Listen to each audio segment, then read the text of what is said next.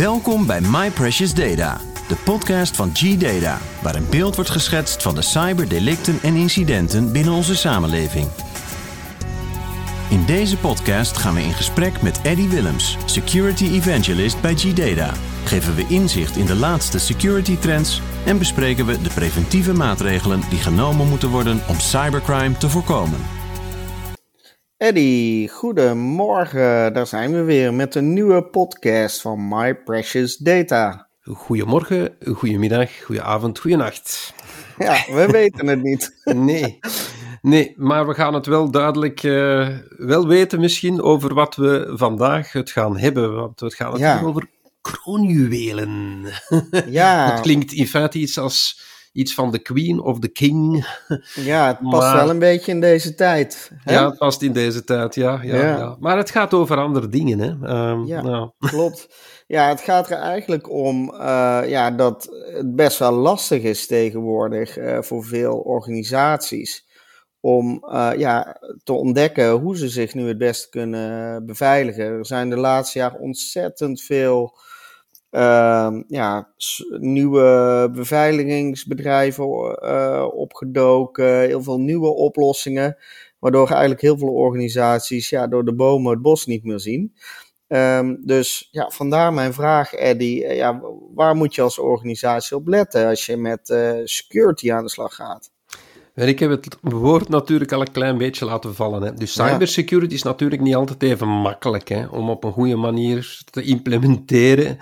En uh, een van de belangrijke aspecten die nodig zijn om het bedrijf te beschermen, is in feite proberen te achterhalen wat de kroonjuwelen van het bedrijf zijn.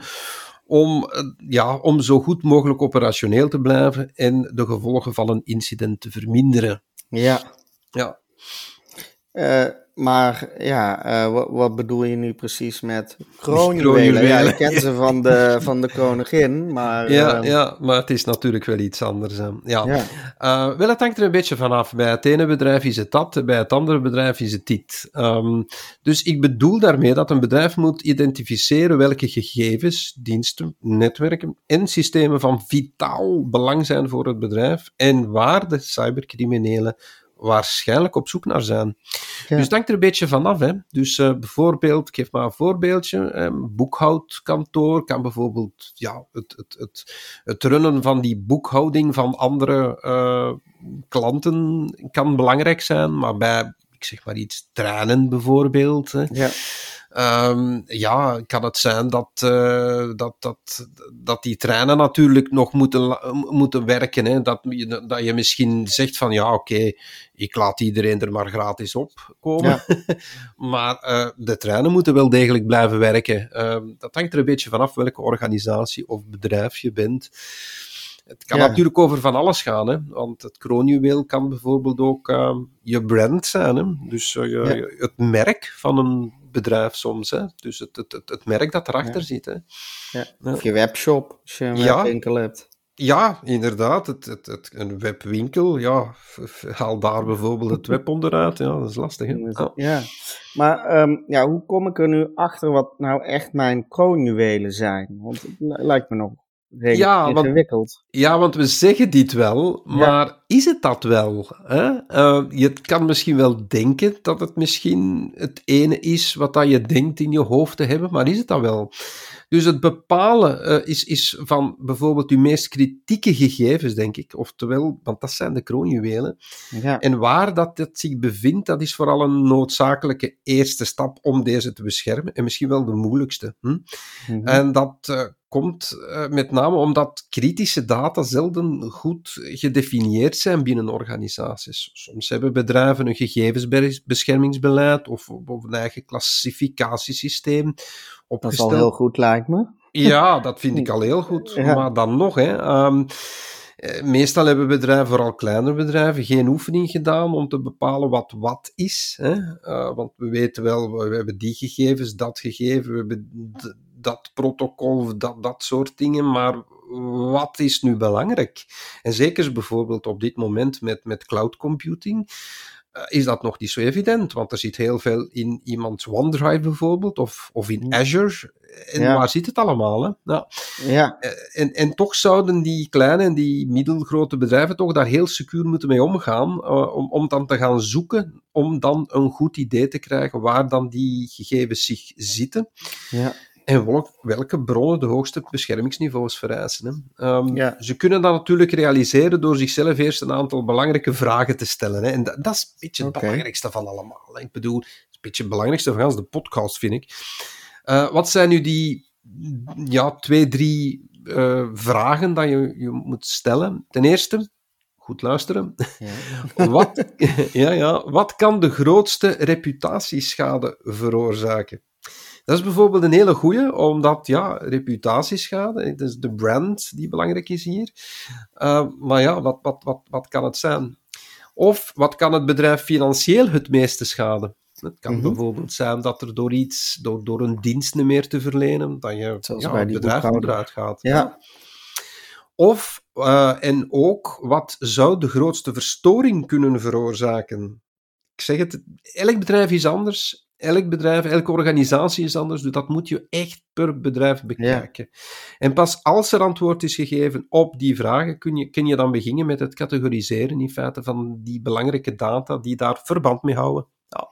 Ja, precies.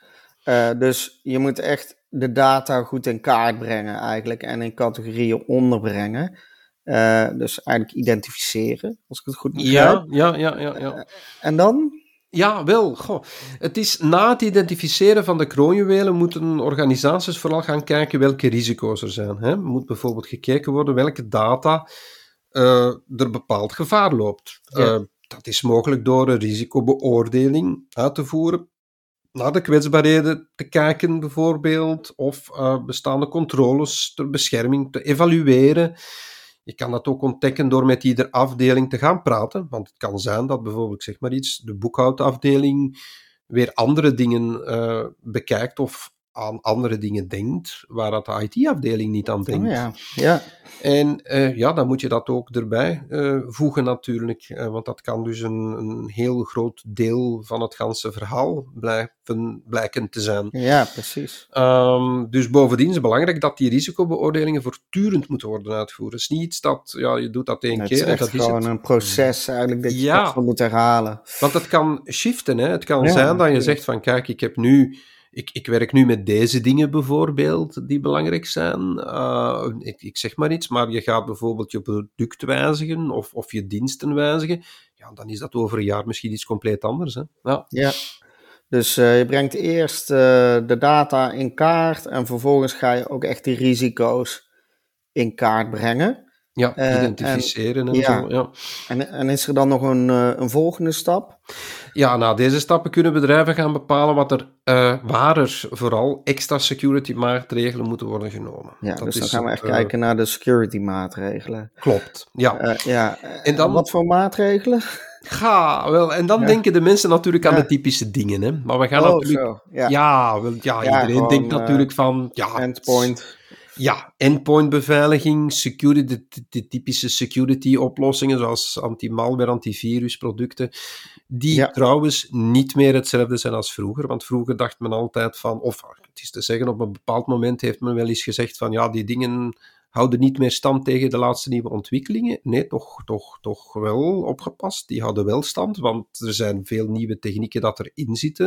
Het is niet alleen juristiek, er zit ook artificial intelligence te- tegenwoordig in. Er zit een geav- geavanceerde gedragsanalyse, er zit exploitbeveiliging. Er is een heleboel van dingen die erin zitten. En ehm, dat wordt soms vergeten. Ehm, dus dat is iets dat belangrijk is. Je moet je ook niet over ehm, securiseren, bij wijze van spreken ook.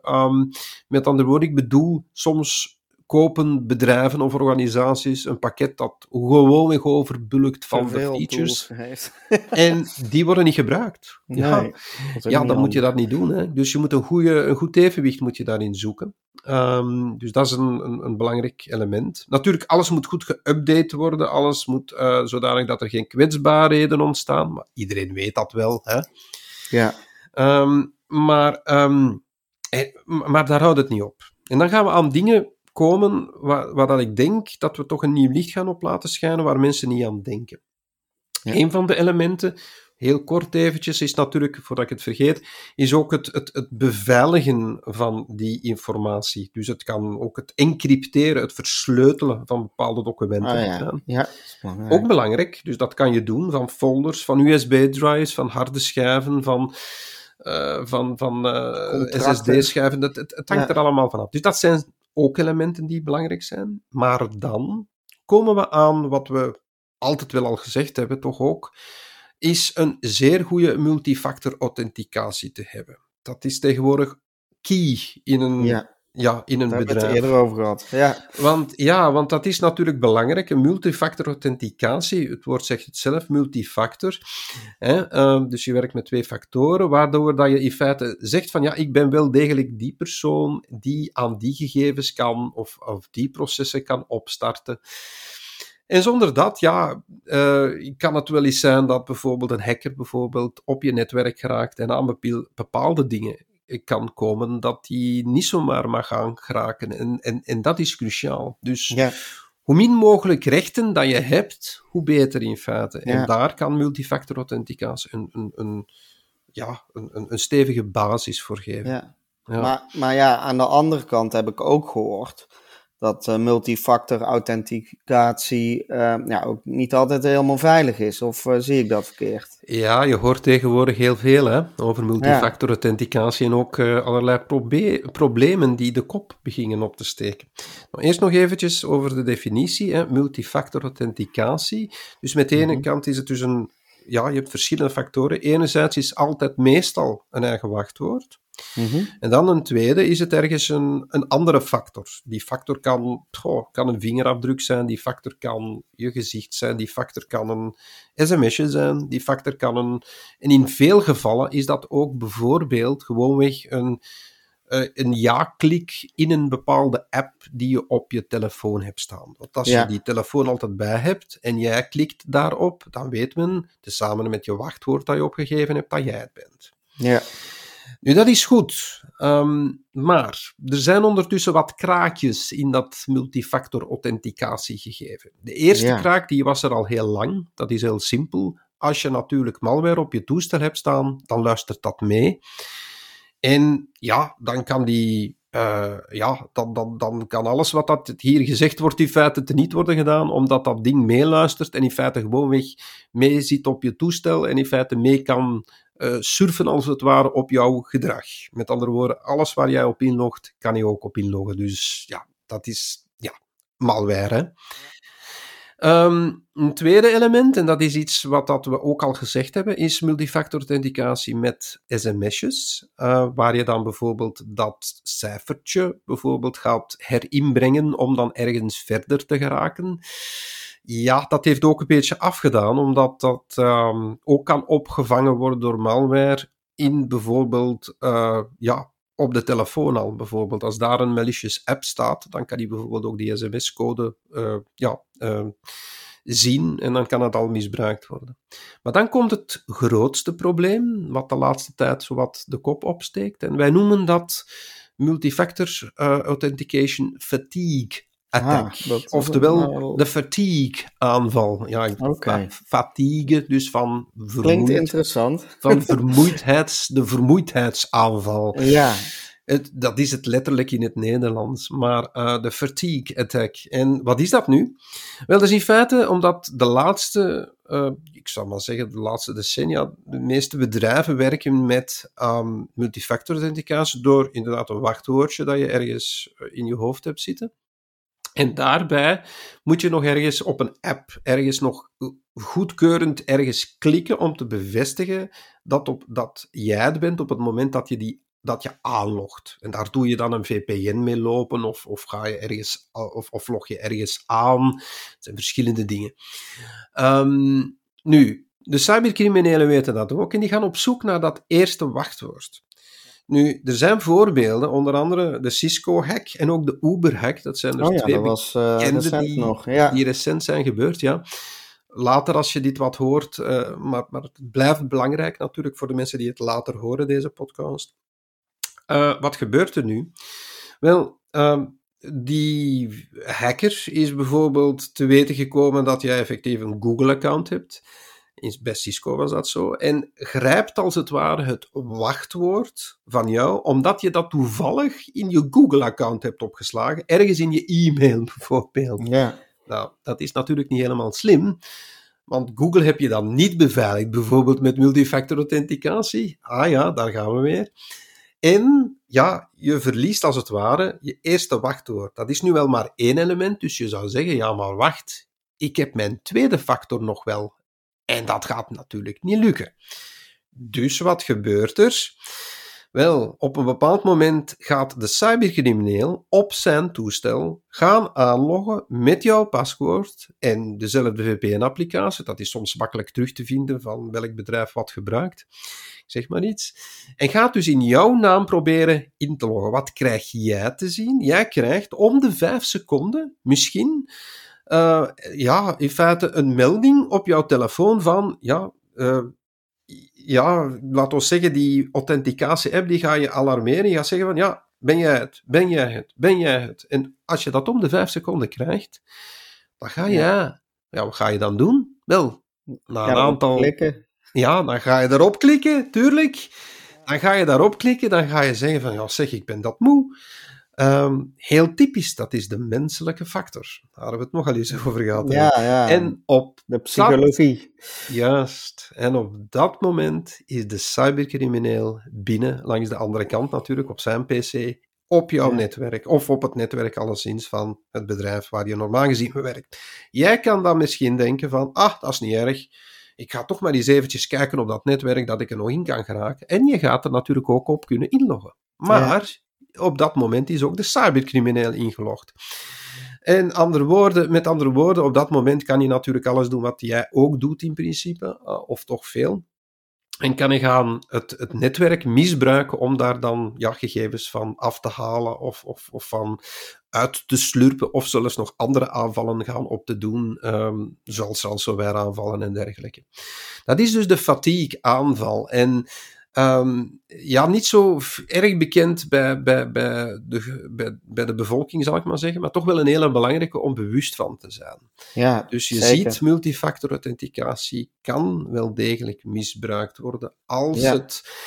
Ja, als, als hij nu, daar nu niet had ja op geklikt, uh, na een tijdje wordt die cybercrimineel dat ook moe hoor. Dus, uh, Ja, dan heeft hij ook fatigue. ja, of zet gewoon weg... Ja, dan is hij ook fatigue, maar zet dat gewoon weg... Een uurtje af je telefoon of zo, dat kan wel. Of, of probeer ondertussen de systeembeheerder te bereiken om dat te zeggen. Dan kan het, kunnen er acties ondernomen worden, kan die account of zo ergens gecanceld worden of, of, of uh, gedesactiveerd. Er zijn mogelijkheden ja. op dat gebied. Nu, ja. in ieder geval, uh, ja, dat is iets waardoor multifactor authenticatie in een slecht daglicht wordt gezet. Maar het is nog altijd een heel belangrijk aspect in het beveiligen van die kroonjuwelen. Ja. Omdat, zolang je maar goed oplet. Ja, zolang je goed oplet en zolang je maar ziet dat er niemand toegang krijgt tot het netwerk uh, die andere bedoelingen heeft. Hè, en die bijvoorbeeld jouw uh, account uh, kan gaan misbruiken achteraf om toch meer toegang te gaan krijgen tot het netwerk, wat dus tot desastreuze gevolgen kan hebben voor dat bedrijf. Ja. ja. En um, nou, dat zijn al hele goede tips. Um, zijn er nog andere maatregelen die je kan nemen om ja, al die bedreigingen voor te zijn? Ja, toch wel. Uh, nu, voor kleine bedrijven is dat wel een beetje lastiger, sommige van deze tips, denk ik. Uh, omdat er heel van die tips... Van, ja, er zijn er zo een aantal, bijvoorbeeld, ik zeg maar iets. Je kan het dark web gaan monitoren om ja, zo van dat... die ja, movements te zien, wat dat er gebeurt. Soms worden de dingen verhandeld op het uh, dark web. Oh ja. Uh, maar dat is niet weggelegd. Ja, dat, gaat, dat, kan niet iedereen. Nee, dat kan echt niet iedereen. Uh, je kan ook het uh, verzamelen of het analyseren van al die tor-sites en forums kan je gaan automatiseren. Dat is ook niet echt voor iedereen weggelegd. Um, wat wel weggelegd is voor iedereen, is bijvoorbeeld een soort van real-time alerting van vermeldingen van je merk, bijvoorbeeld van je brand. Uh, dat kan je doen via een Google Alert. Hè. Dus, oh ja, oh, ja, ja dat, uh, dat, is vrij makkelijk. Ja. ja, dat is vrij makkelijk. Je moet maar eens zoeken naar Alert en dan Google. En, ja, uh, ik heb dat in. bijvoorbeeld voor mijn eigen naam gedaan en dan zie je bijvoorbeeld welke, artikel, welke artikeltjes er boven naar boven komen. Bijvoorbeeld internationale artikeltjes soms met mijn naam soms uh, bij. Ja. Dus dat kan je ook doen dus voor een merknaam en, of voor een brand. Um, dat is wel interessant. Um, ja, ik, ik, je kan ook gaan kijken hoe dat het zit met de ernst van de risico's, zoals DNS-records en WHOIS-gegevens. Dus, als kleine bedrijf gaat dat ook nog wel net. Ik, ik zou zeggen, probeer in ieder geval de gebruikte software in je omgeving en netwerk te controleren op kwetsbaarheden en patches. Ik denk dat dat, dat is... uiteindelijk toch nog altijd de basis is van, van een heleboel zaken. En ik denk dat dat het beste is. Maar je ziet, het is niet, niet alles is voor iedereen weggelegd. Hè. Er zitten zo van die kleine ja, hoe meer monitoring van dat internet, hoe beter. Maar niet iedereen kan natuurlijk het internet zomaar monitoren. Hè. Dus, uh, ja. Er bestaan ook ja, bedrijven die dat soort diensten aanlevert, maar ja, dat zijn dan weer serieuze kosten, zeker voor kleine bedrijven. Hè. Ja. ja. dus we hebben nu besproken dat je kroonjuwelen moet identificeren, in kaart moet brengen. En dan ook de risico's in kaart moet brengen natuurlijk. Dan die moet beoordelen. En vervolgens met op de juiste manier uh, proberen te beschermen met uh, goede tools. Ja. Zijn er nog andere dingen? Ja, in feite wel. Um, zodra die kroonjuwelen zijn geïdentificeerd, beoordeeld en beschermd, moet je dan ook die nog gaan controleren. Hè. Zie je oh, dat alles uh, ja, een beetje monitoren. Hè. Ja. het, het ding dat ik daarnet gezegd heb, op, op, op grote schaal, in feite op lokale schaal doen. Een beetje kijken van wat gebeurt er op het netwerk, wat gebeurt er. Uh, en, en dat is het belangrijkste. Um, en dan het, het, tweede belangrijke element dat inderdaad vaak vergeten wordt, dat, wat we wel al verschillende keren gezegd hebben tijdens onze podcast, is natuurlijk dat menselijke aspect, zeker niet te vergeten. Het luisteren naar onze podcast, het, um, het, het security awareness trainingen, um, al die zaken, lezingen, naar lezingen gaan, um, dat zijn zaken die helpen om effectief ja, dus je security-beleid in feite beter op poten te stellen en die befaamde kroonjuwelen te beschermen.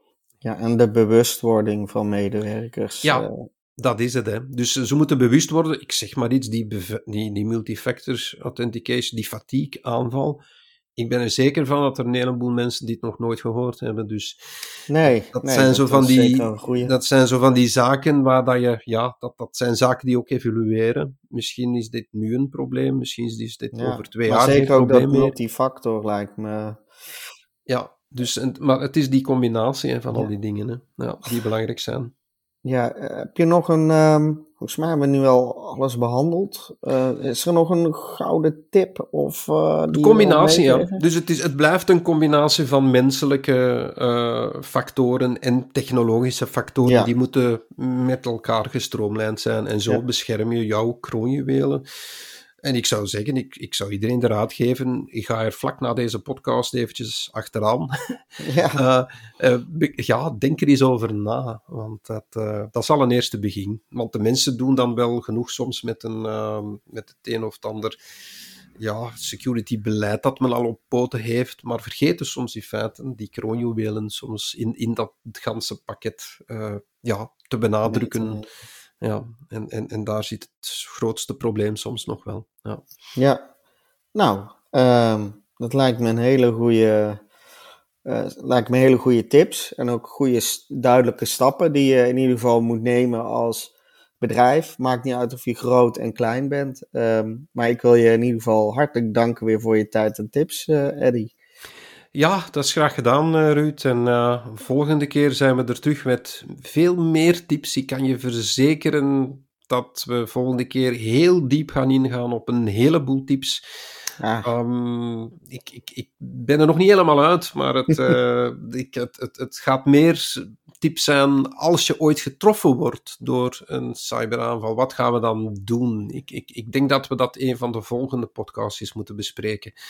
Um, gewoonweg, ja, al die dingetjes op een rijtje zetten, dat is ook niet altijd evident. Want we kijken altijd wat je, er, ja, wat je ervoor moet gaan doen, hè, hoe dat je het kan voorkomen. Maar wat moet je nu doen als je echt getroffen bent? Dat uh, is iets wat we het nog niet over gehad hebben uiteindelijk. Nee. ik denk dat dat misschien uh, ja, wel interessant is voor een volgende keer. Nou, ik ben in ieder geval heel erg benieuwd. En uh, nou ja, tot de volgende keer, Reddy. Ja, tot de volgende keer. Dag allemaal. Kom meer te weten over G-Data via www.gdata.nl of www.gdata.be. Of stel een vraag door te mailen naar podcast.gdata.be of podcast.gdata.nl.